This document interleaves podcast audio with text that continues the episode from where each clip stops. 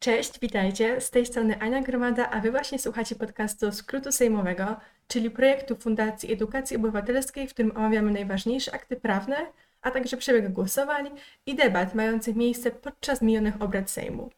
W tym odcinku usłyszycie skrót z 48 posiedzenia, a w nim dofinansowanie wymiany dekodera, Lex Czarnek, zmiany w karcie nauczyciela, zmiana sędziego w Trybunale Konstytucyjnym oraz sytuacja w Afganistanie.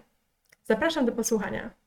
8 lutego w trybie pilnym rozpatrzono rządowy projekt ustawy o wsparciu gospodarstw domowych w ponoszeniu kosztów związanych ze zmianą standardu nadawania naziemnej telewizji cyfrowej. Projekt dotyczy określenia zasad przyznawania i realizacji świadczenia na zakup dekodera telewizyjnego, umożliwiającego co najmniej odbiór naziemnej telewizji cyfrowej.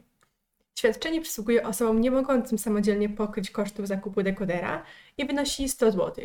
Zakup dekodera z wykorzystaniem świadczenia można dokonać wyłącznie u przedsiębiorców zarejestrowanych na liście prowadzonej i udostępnionej przez ministra właściwego do spraw informacji w Biuletynie Informacji Publicznej na jego stronie.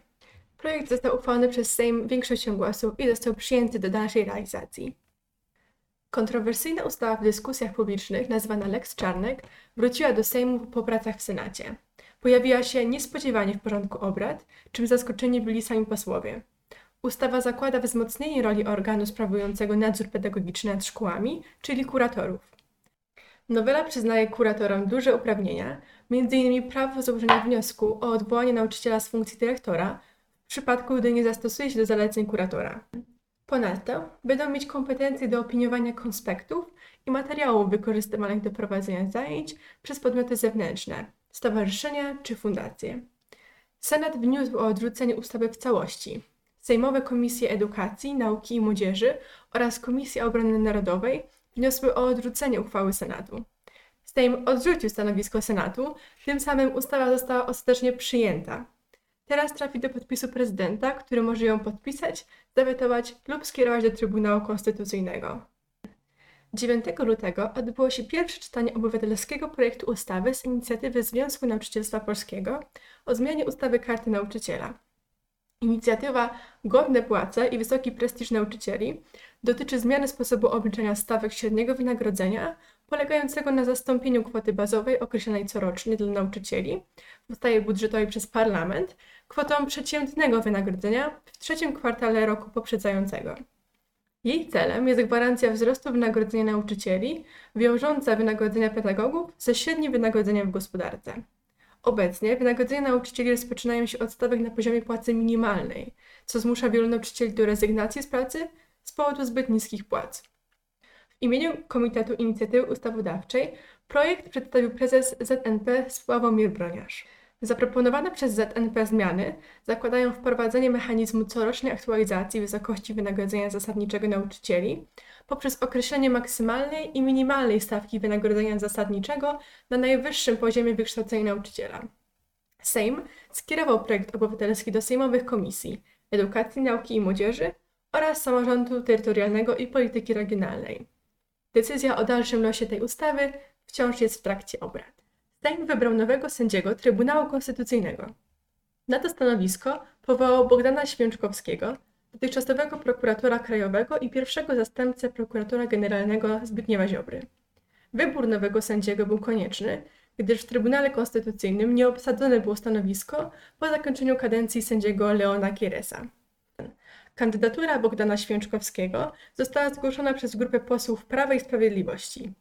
Głosowanie w Sejmie poprzedziła debata nad kandydaturą Sejmowej Komisji Sprawiedliwości i Praw Człowieka, gdzie, jak podnosili posłowie opozycji, Święczkowski nie odpowiedział na żadne pytanie.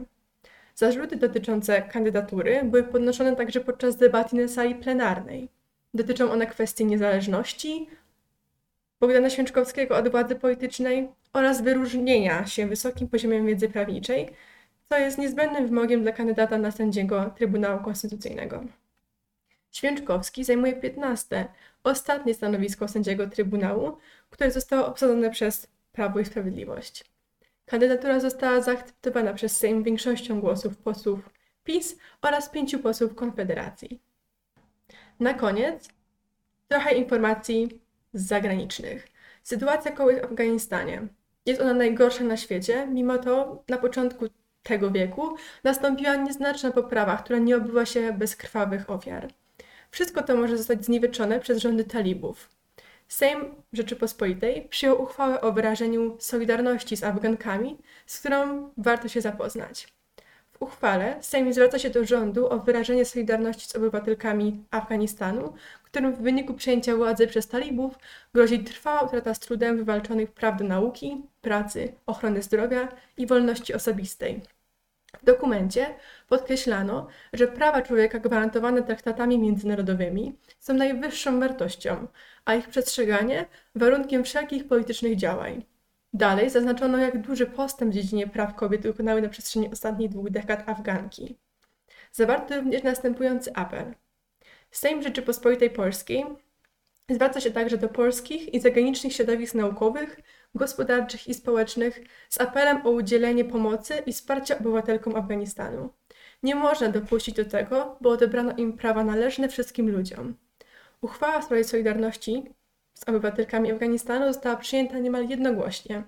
Za jej zatwierdzeniem opowiedziało się 442 posłów, przeciw było 5, a wstrzymało się 9 z nich.